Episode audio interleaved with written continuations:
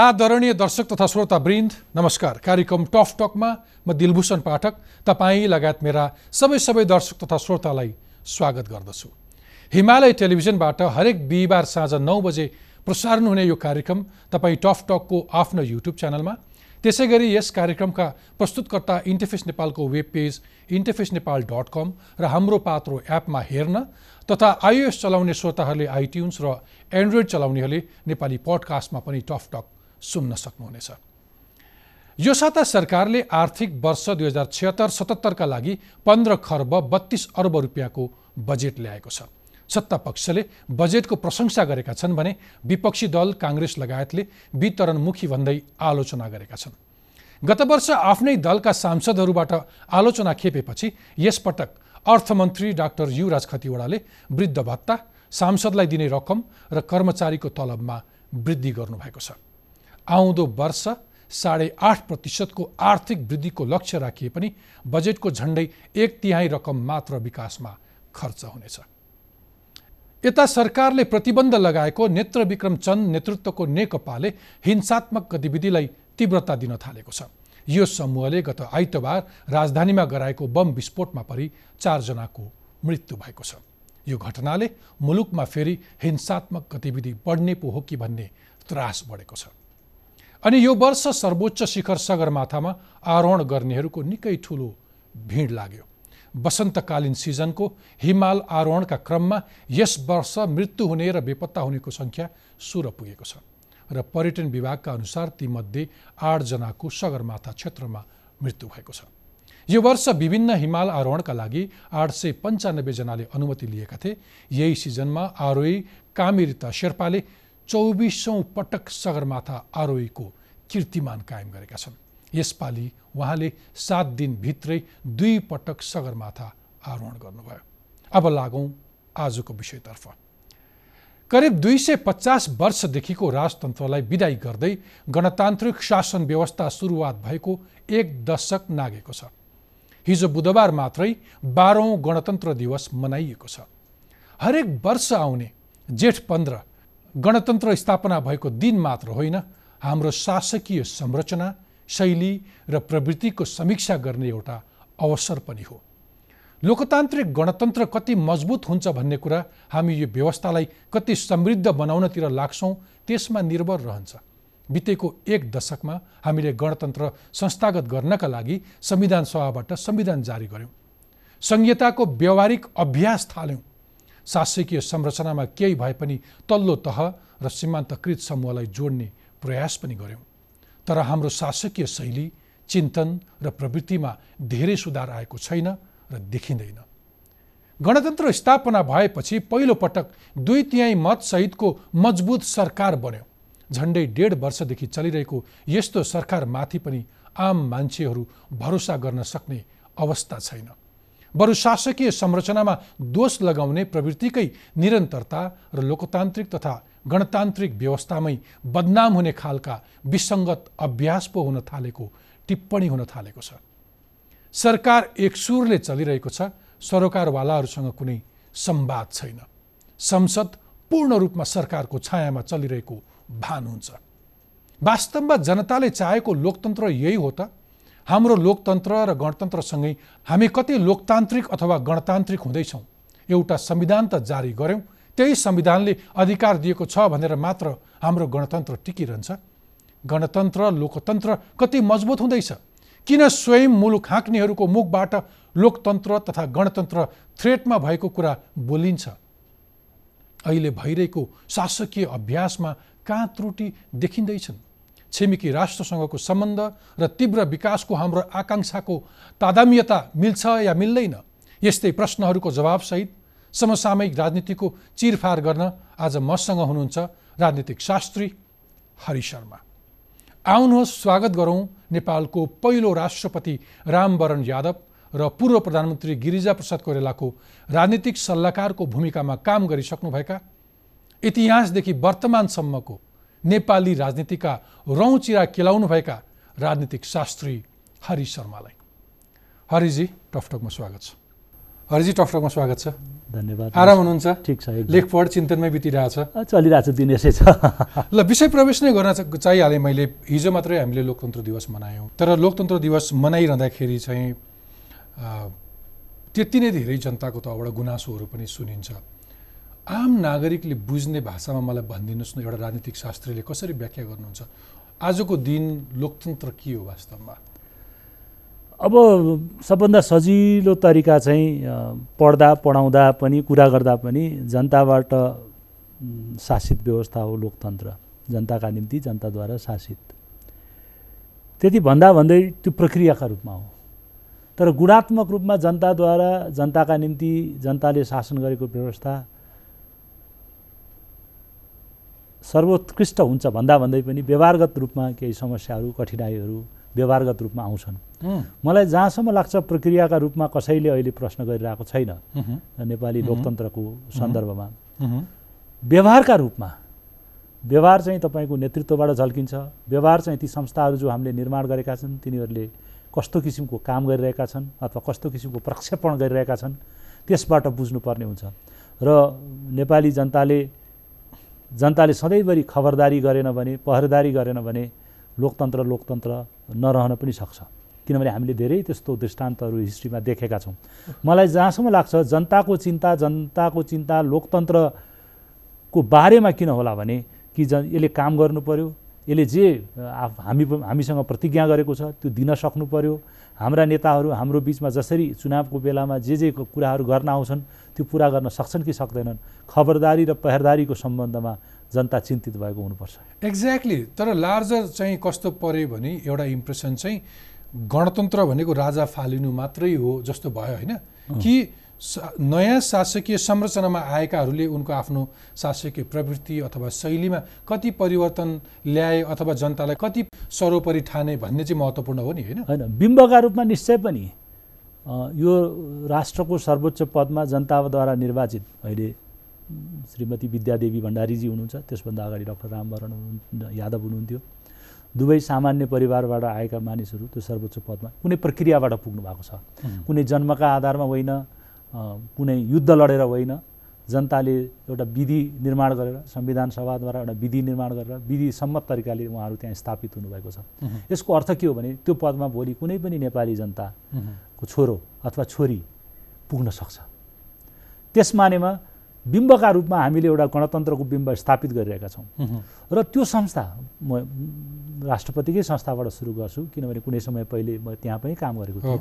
कि पहिलो राष्ट्रपतिबाट दोस्रो राष्ट्रपति आउँदासम्म करिब करिबको दस वर्षको कार्यकाल हामीले देखिसकेका छौँ। यसले गर्नुपर्ने संवैधानिक र राजनीतिक कर्महरू सबै पुरा गर्दै गर्दै अनुभवी संस्थाका रूपमा त्यो स्थापित भएको छ। मलाई लाग्छ निर्वाचित संस्थाको रूपमा त्यो महत्त्वपूर्ण उप- उपलब्धता हो। हो। जहाँसम्म अरू संस्थाहरू छ तिनीहरू चाहिँ भर्खर भर्खर बामे सर्दै गरेको स्थिति म देख्छु। दुई हजार बैसठी त्रिसठीको जनआन्दोलन मार्फत स्थापित संविधान सभाहरूबाट। संविधान सभाहरू किन भन्यो भने पहिलो संविधान सभा बडा दुःखका साथ भन्नुपर्छ आफ्नो कार्यकालमा दिएको काम गर्न सकेन र दोस्रो संविधान सभा हामीले निर्वाचन गऱ्यौँ त्यसले चारवटा कुरा मुख्य चारवटा कुरा स्थापित गरेको थियो। एउटा गणतन्त्र मैले भर्खरै कुरा गरेँ जसको सिम्बलको रूपमा राष्ट्रपति हुनुहुन्छ। त्यसले गर्नुपर्ने आफ्नो काम कारवाहीहरू गरिरहेकै छ। त्यसले एउटा आभास दिइरहेको छ कि जनताको सर्वोच्च संस्था त्यहाँ निर्माण भएको छ। अर्को निर्वाचनद्वारै हामीले मुलुक सङ्घीयमा जाने भनेको छ।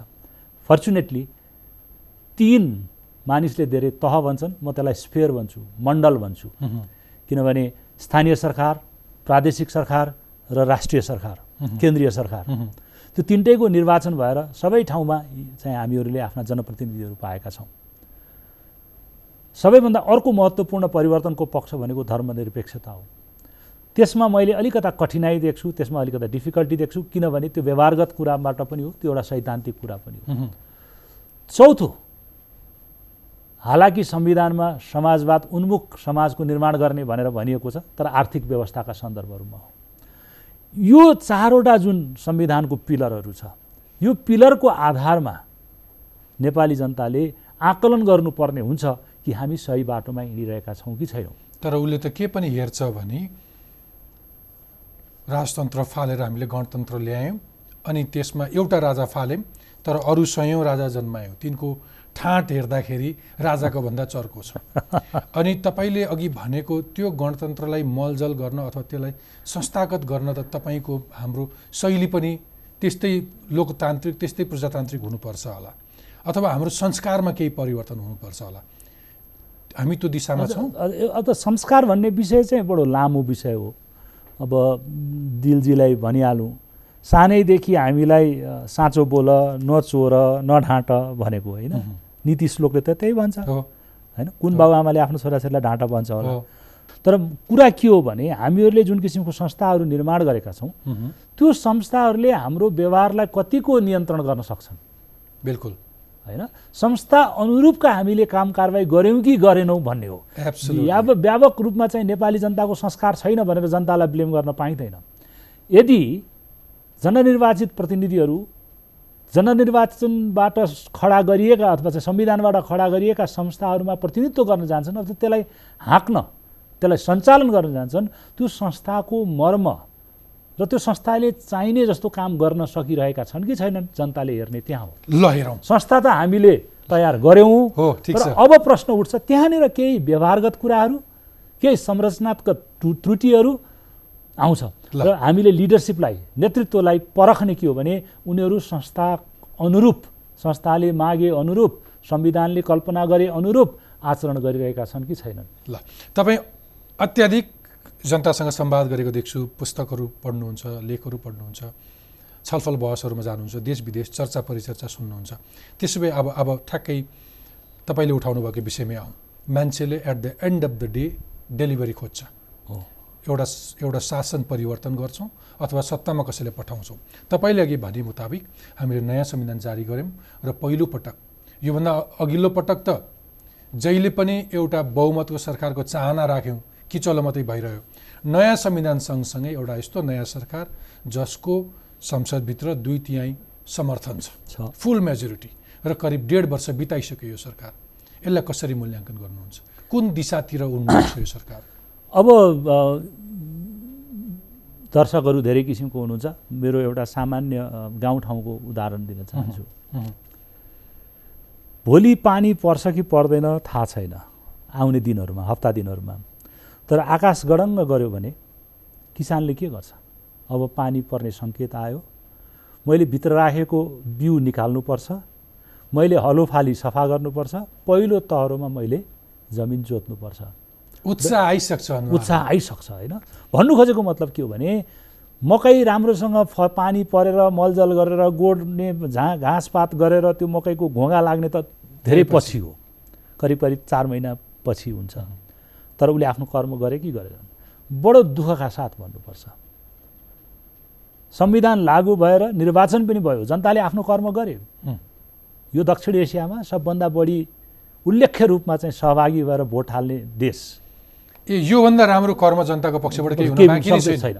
नागरिक समाजको म पछि आउँछु तर जनताको तर्फ जनताको तर्फबाट सामान्य। उनीहरूले के गरे भने र दलहरू पनि गए हामी यो गर्छौँ त्यो गर्छौँ सबभन्दा महत्त्वपूर्ण यो चुनावमा गएको चुनावको महत्त्वपूर्ण पक्ष के थियो भने हामीले जुन किसिमको संविधान निर्माण गरेका छौँ त्यसलाई हामी लागू गर्छौँ। किनभने यदि संविधानलाई हेर्नुभयो भने यो संविधानले समतामूलक समाजको कल्पना गरेको छ। यो समा समाजले तपाईँको जात जाति भाषाभाषीको प्रतिनिधित्वको कुरा गरेको छ। यो समाजले आर्थिक विकासका सन्दर्भमा जनताको चाहिँ जुन आकाङ्क्षा छ त्यसलाई चाहिँ खुला छोडिदिन्छु भनेर भनेको छ। हालाकि चाहिँ अर्थव्यवस्थाका सन्दर्भमा चाहिँ मिश्रित अर्थव्यवस्था हुन्छ भनेर भनेको छ। पढ्ने लेख्ने बुझ्ने अथवा सरकारको चाहिँ निगरानी गर्नको निम्ति जनताको वाक स्वतन्त्रता तथा प्रकाशन स्वतन्त्रतामा कुनै किसिमको प्रतिबन्ध लगाइँदैन भने भनेको छ। र सबैभन्दा मूलत कुरा के हो भने यो विशिष्ट परिवेशमा बनेको संविधान भएको हुनाले सामाजिक आर्थिक र सांस्कृतिक अधिकारहरूले भरिएको यो संविधान छ। संविधानलाई दस्तावेजकै रूपमा हेऱ्यो भने यो कुनै पनि संविधानभन्दा कमसल संविधान छैन। अझ राम्रो संविधान छ। अब त्यसका निम्ति के चाहियो भने जनताले त भने कि हामी तपाईँहरूलाई निर्वाचित गरेर पठाउँ र इन्सिडेन्टली बडा इन्ट्रेस्टिङली नेपाली जनतालाई धन्यवाद दिनैपर्छ कि यस्तो कठिन कार्यमा विभिन्न दलहरूमध्ये एउटा दललाई स्पष्ट र भारी बहुमत दिएर गर्यो। अहिले सत्तामा नेपाल कम्युनिस्ट पार्टी जो पहिला दुईवटा थियो जोडिएर बनेको शक्ति छ। पुरानो माओवादी शक्ति जो क्रान्ति र जनान् के अरे यो सशस्त्र आन्दोलन गऱ्यो भन्थ्यो। नेकपा एमाले जो चाहिँ संसदीय प्रजातन्त्र र वामपन्थी राजनीति नेपालमा सुरु गर्यो भन्थ्यो बडा ती दुईवटा दलहरू जसले जसको संविधानमा सामाजिक आर्थिक परिवर्तनका ठुलै सम्भावना बोकेका चाहिँ अधिकारहरूबाट लयस छ परिपूर्ण छ त्यसलाई लागू गर्ने जिम्मा दियो। अहिले एकछिन नेपाली कङ्ग्रेसलाई बिर्स बिर्सिदिउँ तर विडम्बनाका साथ भन्नुपर्दछ यसले कहाँनिर आफ्नो फाली सफा गर्यो? कहाँनिर यसले आफ्नो राखेको चाहिँ मकैको पोको निकालेर फुक्यो? यसले त बजार त्यो त्यो आकाशको गर्जनलाई यसले बुझ्यो कि बुझेन? ठ्याक्कै के के हुन्थ्यो? भिजिबिलिटी के हुनु पर्थ्यो त्यो के हो भने सम्बन्धित कानुनहरूको निर्माण गर्नुपर्ने। कानुनहरूको निर्माणमा ढिलो भइरहेको छ। कानुनहरूको निर्माण दिनुभएको छ। अनि के हो भने जनताले निर्वाचनमा भोट हाल्छ र जिम्मा लाएर हात बाँधेर बस्ने त होइन नि त। किनभने आजको सन्दर्भमा सार्वजनिक नीति निर्माणका सन्दर्भमा धेरै जटिलताहरू छन्। हामीले एउटा एउटा चाहिँ डेलिब्रेसन गर्न छलफल गर्न त्यसलाई वैधानिकता प्रदान गर्न हामीले जननिर्वाचित पठायौँ। तर जन जननिर्वाचितहरू सर्वे सर्वा जान्ने मान्छे त होइनन् नि। जस्तो फर इक्जाम्पल वातावरण सम्बन्धी ऐन बनाउनु पर्यो। अथवा टेक्नोलोजी सम्बन्धी ऐन बनाउनु पर्यो। हाम्रा नीति निर्माणका प्रक्रियाहरू हालाकि भनिन्छ कि पार्लियामेन्ट सर्वे सर्वा हो तर त्यहाँ ती नीति बनाउने सन्दर्भमा त्यस त्यो नीतिबाट प्रभावित हुने जनसङ्ख्या स्टेक होल्डर भन्छ अथवा एक्सपर्ट्सहरूको विज्ञहरूको लार्जर बुझाइ त पार्लियामेन्टले नै बनाउने हो। विज्ञहरू विज्ञहरू त हो कि? तर विज्ञहरूको साथसाथमा कसका निम्ति यो लागु हुँदैछ? जस्तो फर इक्जाम्पल हामीले एउटा ठुलो आन्दोलन देख्यौँ गएको केही समयमा। डक्टर केसीले नेपालमा स्वास्थ्य सुरक्षा स्वास्थ्य सम्बन्धी विषयमा सुधारका निम्ति ठुलो आन्दोलन गर्यो। डक्टर केसीले पार्लियामेन्टमा गएर विधि बनाउने होइन। उहाँले एउटा एउटा आन्दोलन गर्नुभयो जनताको आवाजहरू मुखरित भए त्यो सुनेर त्यो लिएर जानुपर्ने। लगे त डक्टर अर्जुन कार्की डाक्टर भगवान् कोरेला डाक्टर कमिटी त लगे तर मैले भन्नु खोजेको के भने विधि निर्माण जटिल हुन्छ। त्यति हुँदा पनि त्यहाँभित्र सकिएन नि त। होइन? यहाँनिर सम्बन्ध उठ्छ के भने जनताले आफूले भोट त हाल्यो तर विशिष्ट समयहरूमा नीति निर्माणका सन्दर्भमा उसको सहभागिता जरुरी पर्दछ। इलेक्सनको सहभागिताले मात्रै पुग्दैन। सार्वजनिक नीतिको निर्माणमा पनि उसको सहभागिता चाहिन्छ। त्यो केबाट चाहिन्छ भने सार्वजनिक बहसहरूका मार्फत छलफलहरूका मार्फत ती विभिन्न पाटाहरू केलाउनको मार्फत किनभने त्यो लागू हुने त भोलि त्यही समुदायमा हो नि त। ओके। त्यो सन्दर्भमा के देखेको छ भने गएको दुई वर्षको एक्सपेरिमेन्टमा नीति निर्माणका सन्दर्भमा सरकार त्यति पारदर्शी देखिएको छैन। एउटा यो एउटा जस्तो अहिले नै तपाईँको प्रेस विधेयकको बारेमा यत्रो चर्चा भएको छ प्रेस काउन्सिलको बारेमा कुरा भएको छ एनजिओजहरूको गभर्नेन्सको बारेमा कुरा भएको छ स्टेक होल्डर रातारात। अनि के छ भने भनियो नि त त्यो बेलामा हामी अहिलेको परिस्थितिबाट सङ्घीय परिस्थितिमा जानलाई करिब करिब तिन सय पचासवटा कानुन बनाउनुपर्छ भनेर। त्यो त्यो संविधान बनाउँदै गर्दा थाहा थियो नि त। जुन किसिमको ग्याबल हिटिङ भन्छ नि त्यो त्यो जुन हथौडा लिएर चाहिँ सभामुखले चाहिँ ढ्याक ढ्याक हिर्काउनुहुन्छ कुन किसिमको छलफल भयो? अब नेपालमा एउटा बडो विडम्बनाको चर्चा भने एउटा फ्रेज चलिरहेछ। तपाईँलाई म एक गालामा चड्काउँछु चित्त बुझेन भने पुलिस कहाँ जानुहोस् अदालत कहाँ जानुहोस् हामी कानुन बनाउनु पर्ने रोलर कोस्टर के अरे रो रोलर लगाएर चाहिँ हामी बनाउँछौँ चित्त बुझेन भने अदालतमा जानुहोस् यो भएन। यो किसिमको विचार जुन देखिएको छ सङ्घीयताको सन्दर्भमा कार्यान्वयनको सन्दर्भमा पनि अझै पनि कानुनी अस्पष्टता। यो तिनवटा तह होइन तिनवटा स्फेयर हो क्षेत्र हो। त्यसलाई समन्वय गर्ने त्यसको कानुनहरू गर्ने कसले गर्ने हो भन्ने कुरा चाहिँ हामीले अहिले इन्टरमिडिएट इन्स्टिट्युसन्सहरू त्यसमा कुन दिशातिर छ? सरकारको अहिलेको गतिलाई कसरी व्याख्या अब के छ भने गरिसक्ने अनि पछुताउने पर्ने स्थितिमा देख्छु म। किनभने जुन किसिमको मैले अब यो भन्दाखेरि यो मुलुक त्यो मुलुक भन्दाखेरि चाहिँ मानिसहरूलाई अप्ठ्यारो लाग्न सक्छ। कानुन बनाउने सन्दर्भमा महत्त्वपूर्ण संविधानको कार्यान्वयनको पक्ष भनेको के हो भने कानुन बनाउने हो। जस्तो फर इक्जाम्पल संविधानमा भनेको छ कि रोजी सबैलाई के भन्छ रोजगारको सुनिश्चितता गरिनेछ होइन? तपाईँले हेर्नुभयो ठुलो डङ्का पिटाएर सामाजिक सुरक्षा कार्यक्रम आयो। कति मान्छे इन्लिस्ट भए? हतार गरेर पब्लिक पोलिसी बन्दैन। पब्लिक पोलिसीको निम्ति डेलिब्रेसन चाहिन्छ छलफल चाहिन्छ कन्सल्टेसन चाहिन्छ पार्लियामेन्टको ढोका धेरै बन्द गरिनु हुँदैन। मेजर यहाँ भन्नलाई सांसदहरू भन्नुहुन्छ कि हामीलाई हुइप जारी छैन सार्वजनिक नीतिका निर्माणका सन्दर्भमा। तर के भने नेपालमा चारजना नेता बस्यो भने कानुन बन्छ। प्रोसेस अन्डरमाइन भएको देख्छु भनेको त प्रक्रियाहरू अन्डरमाइन भएको देख्छु सुगमता अथवा कन्भिनियन्स तदर्थवाद हाबी भएको तपाईँले। अलिकति सिस्टम सुधार्ने नाममा अलिकति पब्लिक स्पेसहरू अथवा लोकतान्त्रिक स्पेसहरूलाई अलिकति साँगुरो पार्न खोजिँदैछ भन्ने आशय हो तपाईँको? डेफिनेटली किनभने नेतृत्वलाई के लाग्यो भने यत्रो म्यान्डेट भएर आएको छ मैले डेलिभर गर्नुपर्छ भन्ने अनेस्टीका साथ भन्यो भने त्यो लाग्यो होला। तर कता कता त्यो म्यान्डेटले उहाँहरूलाई अलिकता गरुङ्गो गरुङ्गो भएको हो कि? होइन? यो कुरा बुझिएन यो कुरा गरौँ भनेर सबैसँग कन्सल्टेसन गर्ने सन्दर्भमा होइन? चाहिँ अलि सानो भइन्छ कि भन्ने फिल भएको हो कि भन्ने लाग्छ। अर्को महत्त्वपूर्ण कमजोरी कहाँनिर छ भने नागरिकको आवाजहरूलाई संसदसम्म पुर्याउने। हाम्रा जनप्रतिनिधिहरू भन्दा भन्दै पनि त्यसलाई फर्मली संस्थागत रूपमा पार्लियामेन्टका छलफलहरूमा लिएर जाने काम अपोजिसनको हो, प्रति प्रतिपक्षीको हो। प्रतिपक्षी पनि कता कता यो त पशुपतिको देश। के खाएर। सुत्या छ सुत्या छ म भन्न सक्दिनँ। अचम्मै छ होइन। जनताको आवाजलाई स्ट्रिटको आवाजलाई यदि सरकारले सुन्दैन भने सहभागिता हुन सक्दैन विचारहरूको विभिन्न विचार विनिमय हुन सक्दैन भने त्यो प्रतिपक्षले त्यसलाई एउटा संस्थागत गरेर एउटा टनलबाट तपाईँको संसदमा पुर्याउनु पर्ने हो अथवा सार्वजनिक नीति निर्माणका सन्दर्भमा लिएर जानुपर्ने हो। अथवा नागरिक संस्थाहरू नागरिक समाजहरू पनि त सक्रिय हुन सक्थे होला नि त सरकारलाई होइन तर अब अब। यसो हेर्नुभयो भने सोसियल मिडियातिर नागरिकहरूले बोलिरहेको छ। पत्र पत्रिका हेर्नुभयो भने ओपिनियन पेज आर्टिकल्सहरूदेखि लिएर चिया खाने ठाउँहरूमा बाटोघाटो प पार्टी पौवा मठ मस्जिदमा मान्छेले अचम्म पनि लाग्छ। नेपालमा राजनीतिका बारेमा कति धेरै मान्छेले चर्चा गर्छन्। तर त्यो सबै गुन्जनलाई संस्थागत रूपमा यहाँनिर मैले भन्न खोजेको कि जनताको इच्छा आकाङ्क्षा चाहनालाई सार्वजनिक नीतिमा परिणत गर्नको निम्ति कुनै राति सुतेर बिहान उठ्दाखेरि यस्तो गरिदिन्छु भनेर भन्ने होइन नि। त्यसमा त निरन्तरको संवाद र संवाद र सहकार्य हुनु पर्यो गरेको कुरा ठिक छ कि छैन भनेर टेस्ट गर्ने हुनु पर्यो।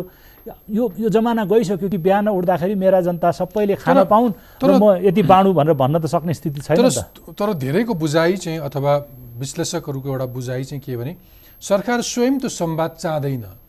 त्यो त्यो एकरो आफ्नो एउटा मुभ आफ्नो जे बाटो छ त्यही बाटोमा हिँडिरहन्छु। मलाई अरूको कुरा सुन्नु छैन अथवा अरूले बोल्नु पनि हुँदैन भन्ने आशय हो। पछिल्लो पटक पछिल्लो पटक त्यो किसिमको आशयहरू अथवा आएका जति पनि होइन। ऐनहरू ल्याउन खोजिएको छ। त्यसमा दुई कानुन बनाउन खोजिँदैछ। डेफिनेटली तपाईँले जुन किसिमको चर्चा तपाईँले उठाउनु भयो मैले पनि आफ्नो सन्दर्भमा आफ्नो क्षेत्रमा हेर्दाखेरि आफ्नो क्षेत्र भनेको जुन क्षेत्रमा काम गरिरहेको छु त्यो हेर्दाखेरि कता कता राजनीतिक वर्ग राजनीतिक वर्ग भन्नाले अपोजिसन पनि त्यसमा पर्छ। राजनीतिक पोलिटिकल क्लास अङ्ग्रेजीमा त्यो वर्ग हो। त्यो अलिकता दम्बी भएको छ। यो मेरो काम हो त भन्नेको हो होइन? र यहाँनिर म के देख्छु भने अहिले तपाईँले नागरिक समाजको कुरा उठाउनु हो। बैसठी त्रिसठीको जनआन्दोलनमा त त्योभन्दा अगाडि सँगसँगै बसेका साथीहरू इलेक्सनको चाहिँ तपाईँको चाहिँ म्यान्डेटका कारण चाहिँ इलेक्टेड रिप्रेजेन्टेटिभ भएर जनप्रतिनिधिहरू भएर गए। केही मान्छेहरू नागरिक समाजको नाउँमा सडकमै बसे। अब उनीहरूको बिचमा पनि म के देखिरहेको छु भने जनताको भाषा बोल्ने त मैले हो म हो म प्रतिनिधि छु मसँग इलेक्ट्रोल म्यान्डेट छ होइन? मसँग निर्वाचित भएको आधिकारिकता वैधानिकता छ। त्यसले के दियो भने निर्वाचित दम्ब दिएर आयो। इलेक्ट्रोल एरोगेन्स दिएको छ। त्यसको कुरा किन बाहिर बसेर हल्ला गरिरहने तर यस्तो पनि त हुनसक्छ नि त। अघिल्लो पटक हामीले कहिले पनि एउटा मेजोरिटीको सरकार पाएनौँ र त्यसले काम गर्नै पाएन। पार्लियामेन्ट खिची खिची अर्कोले अर्कोलाई अर्कोले अर्को खुट्टा तान्ने मात्रै भयो। असल नियतले पनि त केही गरेको हुनसक्छ नि। हामी खोट मात्रै देखिरहेछौँ। हाम्रो हाम्रो पनि हामी असल पनि आफ्नो संस्कारमा परिवर्तन गर्न असल असल नियतले हुन्थ्यो भने एउटा कुरा स्पष्ट भन्न चाहन्छु यहाँ। अल्पसङ्ख्यक बिना या माइनोरिटी बिना। त्यो अल्पसङ्ख्यक भनेको विचारको माइनोरिटी पनि हुनसक्छ अल्पसङ्ख्यक हुनसक्छ भोटको माइनोरिटी पनि हुनसक्छ सेक्सुअल ओरिएन्टेसन र प्रिफरेन्सको पनि हुनसक्छ माइनोरिटी बिना डेमोक्रेसी कल्पना गर्न सकिँदैन। भन्नुको अर्थ सबैको भोइस सुनिनु पर्यो। डिस डिसएग्रिमेन्ट र डिसेन्ट बिनाको डेमोक्रेसी हुन सक्दैन। होइन? हामी हाम्रा ब- बच्चाहरूलाई माया गर्छौँ। उनीहरू केही लाडे भएर झुन्डियो भने हामी हिँड्ने बेलामा खुट्टा समात्यो भने कि हामी तिनीहरूलाई लात्ताले चाहिँ उछिट्याएर हिँड्छौँ? त्यसो भए कुन दर्शनबाट अथवा कहाँबाट इन्सपायर्ड छ यो सरकार? यो सरकार चाहिँ कता कता के छ भने हुनसक्छ। यो तपाईँको सो चाहिँ अलिकता पोलिटिकल कुरा निकाल्नुभयो। त्यस कारण मलाई भन्नु केही छैन। यसको सोसलाइजेसन उसको सामाजिकरण नाइन्टिन सिक्सटिजमा सेभेन्टिजमा कहिले भयो? एक किसिमको वामपन्थ जो वामपन्थ अहिले धेरै रिडन्डन्ट भएको छ। होइन? उनीहरूलाई के लाग्थ्यो भने यो सारा कार्यक्रम त हामीले गर्नु पर्यो। प्रकारान्तरले राजनीतिक आन्दोलनबाट मोडिँदै मोडिँदै यहाँ आए। यो म्यान्डेट पाइसकेपछि उनीहरू आफू सुरुमा दीक्षित हुँदाखेरिको जुन साइकोलोजी थियो स्कुल मैले चलाउनुपर्छ कलेज मैले चलाउनुपर्छ पार्टीले डिसाइड गरेपछि सबै कुरा मेरो हुनुपर्छ। यो त ठुलो हिस्टोरिकल अपर्च्युनिटी आएको हो। जो सारा कुरा पार्टीको नेतृत्वको राज्यले गर्नुपर्छ र पार्टी र राज्य एउटै हुनुपर्छ भन्ने राजनीतिक चिन्तनबाट दीक्षित भएर उहाँहरू आउनुभएको थियो। केही कारणले बिचमा अल्मलिनु भयो र अहिले इलेक्ट्रोल म्यान्डेटले त्यो पाउनुपर्छ यसलाई बिगार्ने? त को बोल्ने भन्छ मैले बोल्दाखेरि? भन्नु अथवा कोही बोल्दा यो त मेरो पार्टीले जिम्मा लिएको हो। लगानी मैले गर्नुपर्छ। यो पार्टी यो बनाउनलाई यत्रो वर्ष लडेको चौध वर्ष पन्ध्र वर्ष जेल बसेको छु। I think that subdued psychology जुन चाहिँ साइकोलोजी पहिला दीक्षित हुँदाको समयमा थियो पोलिटिकल एजुकेसन हुँदाको सन्दर्भमा थियो जुन समयमा उहाँहरूले लाल किताब पढ्नुभयो जुन समयमा प्रेस आफ्नो नियन्त्रणमा भएन भने सानो कुरा गर्ने क्रिटिसिजम गर्ने मान्छेलाई चाहिँ के गर्थ्यो उनीहरूको आफ्नो पार्टीभित्र त तपाईँको चाहिँ पश्चाताप गर भनेर भन्थे क्रिटिसिजम गर भन्थे। तर नस्तानुमुद गरेको पनि त समय थियो नि। त्यो कल्चरबाट बिस्तारै आउनु। हामीलाई लागेको थियो कि बिस वर्षको पार्लियामेन्ट्री डेमोक्रेसी जस्तो सुकै खिचपिच भए पनि दीक्षित भएर आउनुभएको छ। त्यो एरोगेन्स देखिन्छ। सहिष्णुता छैन। आफ्नै पार्टीभित्र पनि हेर्नुहोस् त इन्डियामा त मोदीले भनेको थियो मोदीको चुनौती को भन्दा मोदी नै हो भन्थ्यो। अहिलेको सरकारको चुनौती को भन्दाखेरि प्रतिपक्ष छैन। प्रतिपक्ष सबभन्दा नेपालको इतिहासमा सबैभन्दा लुरे प्रतिपक्ष मैले देखेको छु। अहिलेको सरकारको चुन चुनौती के हो भने यो सरकारको आफ्नै दम्ब यो सरकारले आफैले गर्छु भनेर उठाउन नसकेका कुराहरू उठाएको खाल्टो पुर्न नसके पनि रेलको कुरा गर्ने काठमाडौँमा दसौँ महिनासम्म चाहिँ सडक र चाहिँ ढलको स्थिति यस्तो छ। म कसरी पत्याउने? जनताले तपाईँले अहिले सुरुमा भन्नुभयो नि जनताले के खोज्छ? जनताले के खोज्छ भने बिहान घरबाट निस्किएपछि सहजताका साथ घर पुगोस् कामबाट फर्केपछि। केटाकेटीले पढ पठन पाठनको व्यवस्था राम्रो होस्। प्राइस हेर्नुहोस् त बढ्या बढै छ। मूल्य मूल्य स्मृतिको कुरा हेर्नुहोस्। अनि अनि तपाईँले अघि भनिरहेको रिफ्लेक्ट गऱ्यो भने चाहिँ बरु अघिल्लो पार्लियामेन्ट्सहरू मोर भाइब्रेन्ट मोर इन्टरेक्टिभ होइन? म भाइब्रेन्ट भन्दा पनि इन्टरेक्टिभ थियो होला। इन्टरेक्टिभ इन्टरेक्टिभ अहिलेको पार्लियामेन्टमा गएर डिबेट सुन्नु भएको छ। वाह आज फल्नाले यस्तो बोलेछ भनेर डिबेट सुन्नु भएको छ। सुन्ने सुन्ने समयमा होइन? भनेपछि बोल्दैनन् बोल्न के चुपचाप छन्। अब सार्वजनिक नीति बनाउने सांसदहरू अब मलाई यति पैसा चाहियो भनेर विकास निर्माणको कुरामा हिँड्दैछन्। एउटा ठुलो पार्टीको सांसदले के भन्नुहुन्छ त्यो पैसा पाएन भने त हाम्रो नाकै काटिन्छ भने अनि मिडिया पनि आलोचनात्मक अथवा क्रिटिकली बोल्न नसकेको अवस्था हो। मिडिया पनि बोल्न सकेको छैन किनभने उसलाई लाग्यो कि यत्रो प्रचण्ड म्यान्डेटबाट आएको छ। एउटा त फेरि हामीहरू सबै लोभी पापी छौँ। यो सङ्घीयताको कारण सरकारलाई धेरै मान्छेहरू चाहिन्छ। हो। धेरै मान्छेहरू कोअप्ट भएका छन्। ए। धेरै अपर्च्युनिटिजहरू खोलिरहेको छ। भजनै नगाए पनि नगाए पनि पर्खेर बस्ने मानिसहरू त्यो समस्याको बारेमा बोल्न सकेका छैन मिडियाले। प्रब्लम देखाउन सकेको छैन। त्यो जुन कुरा अनि एक किसिमले समर्थन गरे जस्तै जुन सरकारलाई आफ्नो पाराले हिँड्नलाई सजिलो म देखिरहेको छु कि अफका अफका अखबारहरूको पेज घटिरहेको छ। इकोनोमिक एक्टिभिटी छैन। ल भन्नुहोस् गएको तिन वर्षमा नयाँ इन्डस्ट्री यहाँ कुन आयो त? एडभर्टिजमेन्टको तपाईँहरू मिडियामा हुनुहुन्छ एडभर्टिजमेन्टको स्थिति हेर्नुहोस्।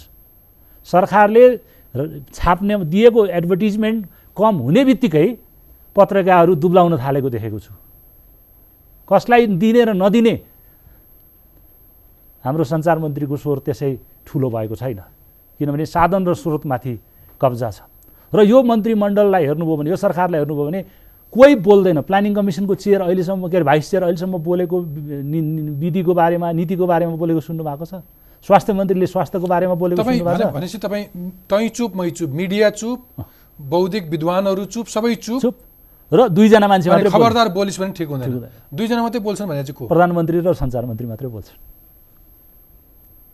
तपाईँ र म पनि बोल्दैछु यो? स्पेस तपाईँले दिनुभयो र त बोल्दैछु नि। तर यो स्पेस पनि साँगुरो पार्न खोज्दैछ सरकार भन्दै हुन्छ तपाईँ। सरकार भन्नाले परिस्थिति घुम्च्याउँदैछ भन्ने छ जस्तो के छ भने यदि तपाईँ जति पनि बोलेर त्यो सुनिएन भने त्यो रेजोनेट भन्छ नि। यहाँबाट हुँ गरेर एउटा चाहिँ हामीले रमाइलोको लागि पाहाडमा गएर कन्दरामा आ गर्दा पर इको हुनु पऱ्यो नि।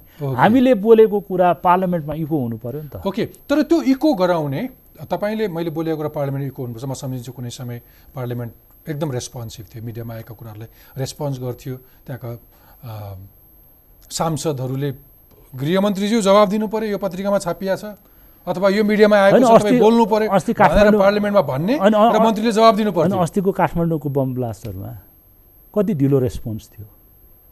पब्लिक वेयर नट एस्योर्ड पब्लिकलाई जनतालाई सुरक्षित अनुभूति गर्ने किसिमको क्विक तुरुन्तै हुनुपर्ने। तथा साँझ भएको कुरा आज साँझ भएको कुरा भोलि बेलुका साँझ मात्रै पार्लियामेन्टमा बोल्ने जब कि कुरा हो। विदेशतिर हेर्नुभयो भने एउटा कुनै बसमा कुनै एउटा बम पड्क्यो अथवा कुनै चर्चमा कसैले केही हुनसक्छ कि- तुरन्त रेस्पोन्ड गर्नुपर्छ। एउटा मैले यसो लाग्यो त्यसमा पनि धेरै चित्त दुखेन पछि सम्झिँदाखेरि। यत्रो हित हत्या हिंसा र चाहिँ यत्रो ट्रान्जिसनबाट आक्रान्त भएको हुनाले सायद हामी यस्ता विषयहरूमा रुटिन भयौँ कि भन्ने छ। तर थाक्यौँ कि भन्ने तर तपाईँ हामीले बोल्ने भनेको चाहिँ अथवा यो छलफल बहस गर्ने भनेको चाहिँ विशुद्ध एउटा एउटा वाच डगको रूपमा। राज्यका संयन्त्रहरू सचेतना गर्नेको सन्दर्भमा प्रभावकारी हुन् भन्ने हिसाबले मात्रै कुरा गर्ने हो। तर यो यो कति कुन लेभलमा छ? जस्तो नागरिक समाजले बोल्नु पर्थ्यो होला। अघि तपाईँले भने जस्तै पार्लियामेन्टमा कोही छैनन् त? सबै ठप्पावाला रबर स्ट्याम्प मात्रै छन् रबर स्ट्याम्प मात्रै छन् अथवा अघि तपाईँले भनेको त्यस्तो लुते प्रतिपक्षी कङ्ग्रेस हराएको हो सकिएको हो? अथवा अरू कुनै स्वतन्त्र कोही बौद्धिक मान्छेहरू छैनन्। नागरिक समाजको कुनै नागरिक समाजमा कोही छैन। संस्थाहरू छैनन् जसले बोल्नुपर्छ अथवा सरकार तिमीले लिएको बाटो अथवा तिमी संवादविहीन अवस्थामा गइरहेको छौ। तिमी एकल आफू मात्रै ठिक ठानिरहेछौ यो संवाद नटुटाउँ जति संवाद गर्यो गणतन्त्र त्यति चाहिँ मजबुत हुन्छ भनेर कोही भन्ने मान्छे छैन। अब के छ भने बिरालो बाघ हुने स्थितिमा पुग्यो भने मात्रै यो सम्भव हुन्छ। जात त एउटै हो नि।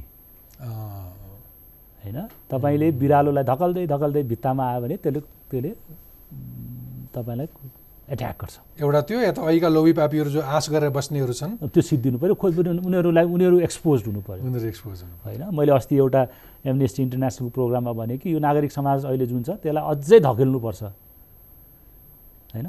जो सहन सक्छन् जो थाक्दैनन् तिनी बस्छन् अरू जान्छन्।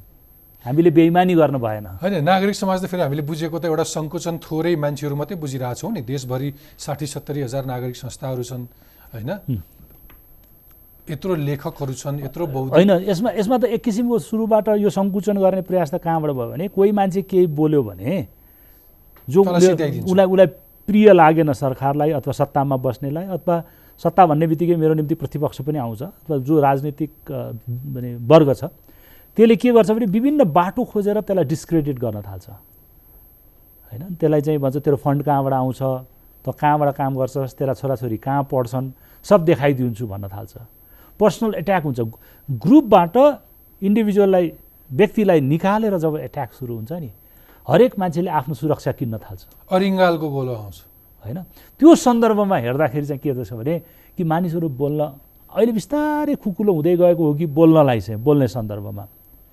किनभने अब बोलेनौँ भने सम्भव छैन भने जस्तो चाहिँ किसिमबाट होइन? त्यो देखिएको छ तर सङ्गठित रूपमा के भयो भने कि हाम्रोमा जति पनि नागरिक सङ्घ संस्थाहरू एनजिओजहरू तपाईँले भनेको जुन देशभरि संस्थाहरू छन् तिनीहरू एकात्मक व्यवस्थामा थिए हिजो। एउटा सांसदलाई पक्रेपछि तपाईँको संसदमा पोलिसीका कुरा हुन्थ्यो सारा कुरा हुन्थ्यो।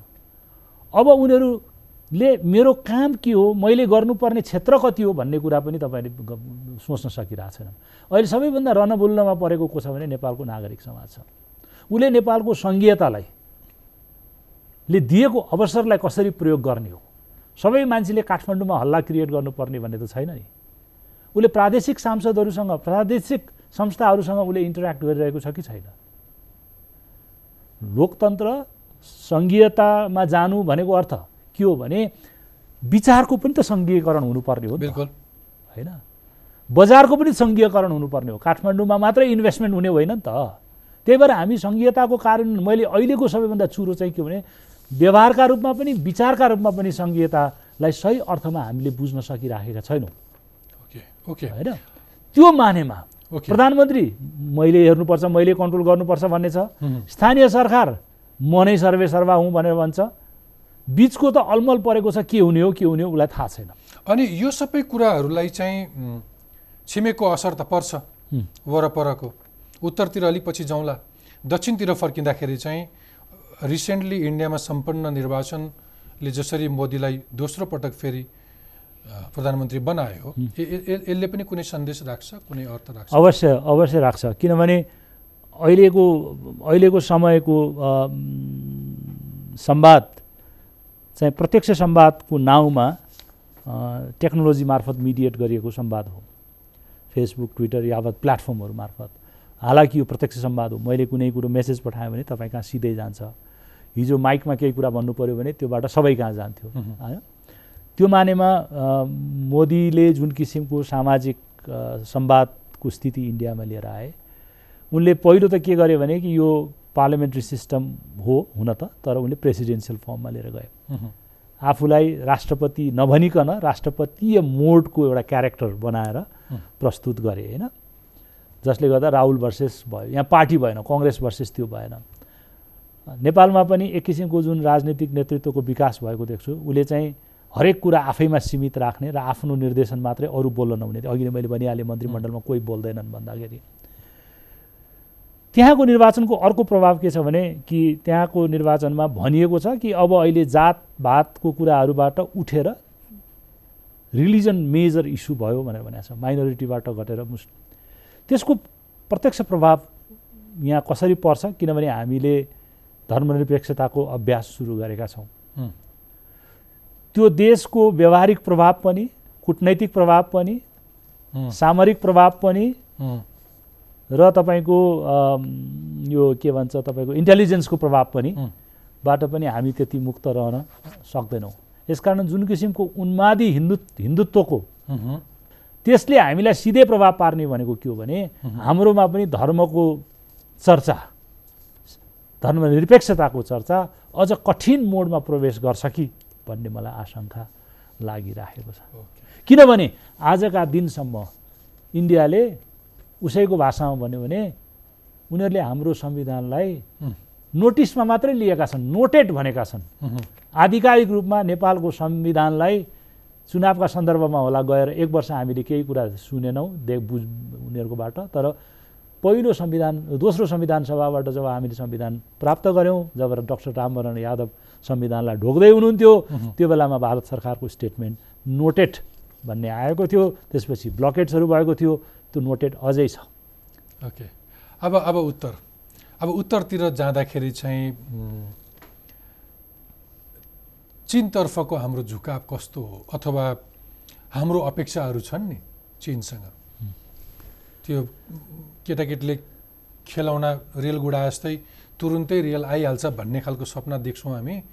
अनि कुनै न कुनै रूपमा सरकारले त्यो सपना देखाउन पनि छोड्दैन। अब अनि अनि अनि चिनिया राजदूतले प्रेस कन्फरेन्स गरेर यो हो र हामीले त्यस्तो आज भोलि नै चिन ल्याउने त त्यस्तो केही कुरा रेल ल्याउने त केही कुरा गरेकै छैनौँ भनेर चिनिया राजदूतले प्रेस कन्फरेन्स गर्नुहुन्छ। हामी सपना देखिरहेको छौँ त्यो ठुला सपना। अथवा एक्ज्याक्ट के हो? हिजोको माओसेतुङबाट डेङ स्याओपिङ हुँदै आजसम्म चाइना आउँदा चाइना एउटा न ग्लोबल पावर मात्रै होइन एउटा ग्लोबल इकोनोमिक प्लेयरको रूपमा पनि इमर्ज गरेको छ फरक छ। चाइना र इन्डिया नेपालमा सधैँ प्रतिस्पर्धा गर्दथे भोलि पनि प्रतिस्पर्धा गर्दछन्। महत्त्वपूर्ण के राख्यो भने विभिन्न कारणले टेक्नोलोजीका कारणले कनेक्टिभिटी जोडिने प्रविधिका कारणले हामीहरू चाइनासँग धेरै इन्टरेक्सन गर्दैछौँ। हाम्रो चाहिँ व्यापार पनि बढेर गएको छ मानिसको लेभलमा पिपल टु पिपल लेभलमा कन्ट्याक्ट बढेको छ। त्यसले त्यसले सडन्ली पोलिटिकल इम्पोर्टेन्सको क्यारेक्टर पनि लिएको छ चरित्र पनि लिएको छ। सबैभन्दा महत्त्वपूर्ण पक्ष के भने संविधानको नोटेड भएपछि जुन किसिमको परिस्थिति भारतका पक्षबाट ब्लकेट नै भन्छु म खेप्नु पर्यो। त्यसले हामीलाई व्यवहारिक रूपमा पनि र इमोसनल रूपमा पनि भावनात्मक रूपमा पनि चिनतिर अलिक धकलेको छ। चिनले कति गर्न सक्छ नेपालका सन्दर्भमा सक्दैन त्यो आफैमा ठुलो कुरा छ किनभने शक्ति राष्ट्र हो गर्न पनि सक्ला। तर एउटा कुरा हामीले बिर्सन के हुँदैन भने विभिन्न ऐतिहासिक कारणबाट राजनीतिक कारणबाट हामीले चिनलाई कति बुझ्दछौँ त? होइन? एज अ छिमेकी चिन हाम्रो निम्ति महत्त्वपूर्ण हामीले इग्नोर पनि गर्न सक्दैनौँ विश्व राष्ट्र हो इग्नोर पनि गर्न सक्दैनौँ।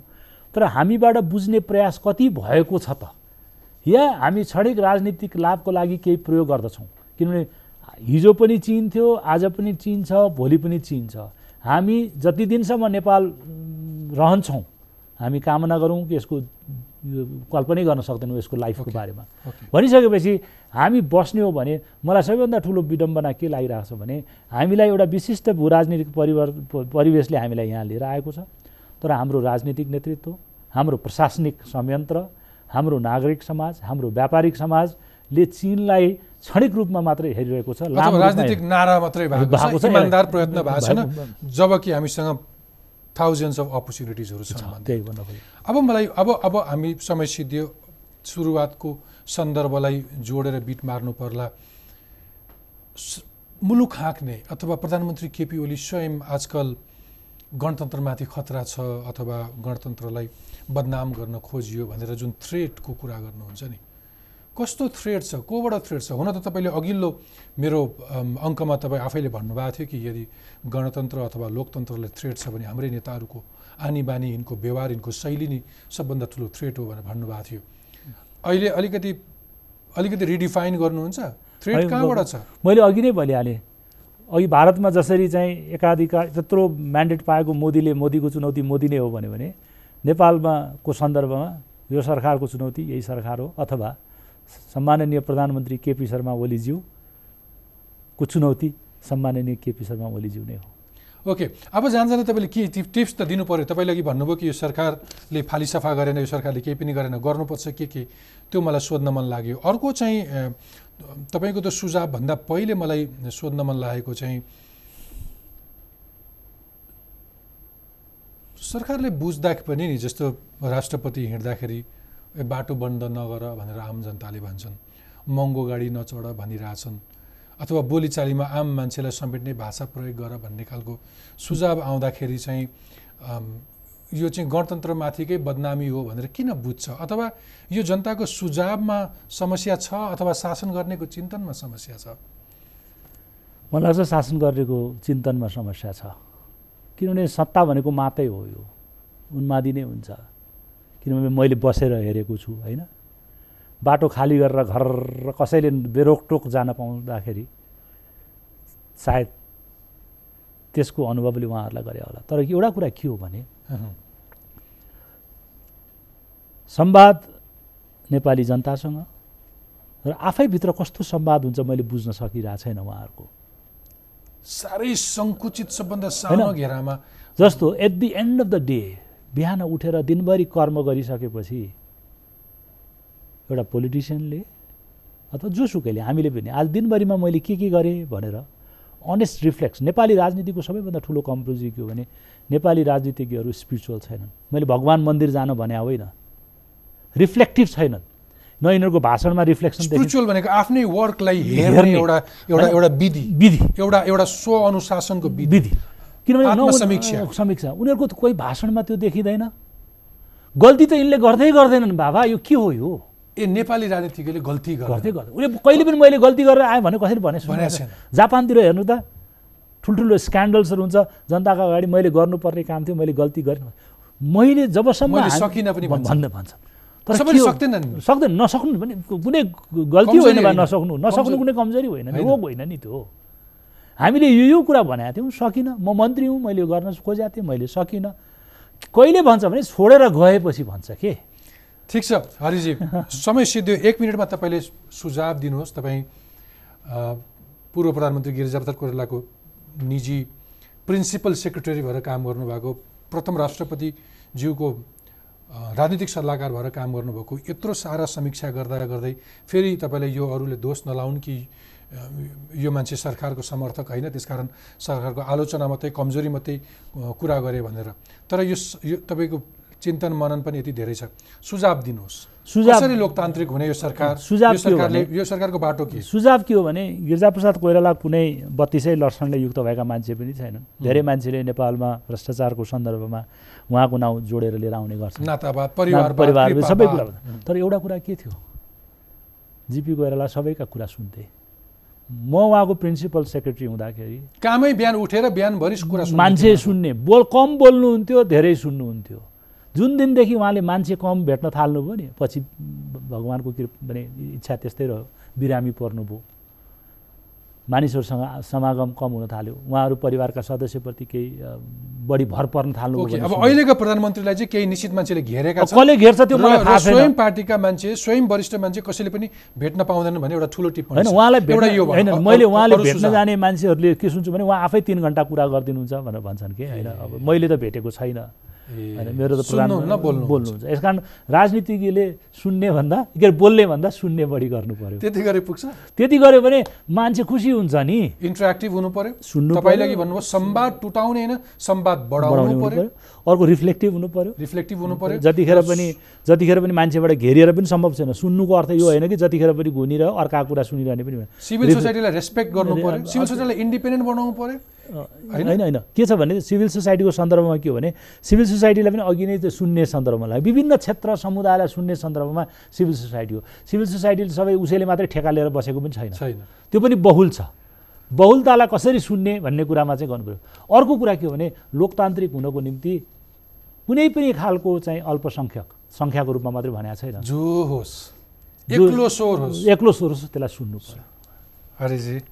तपाईँले अघिल्लो अङ्कमा मैले तपाईँसँग फेरि संवाद गर्ने सौभाग्य पाऊँ भनेको थिएँ। आज पनि त्यही दोहोऱ्याउँछु फेरि कुनै एउटा समय म तपाईँलाई आमन्त्रण गर्छु धन्यवाद। र यसरी गर्ने सम्झिनुभयो भने आउँछु। थ्याङ्क यू भेरी मच नमस्ते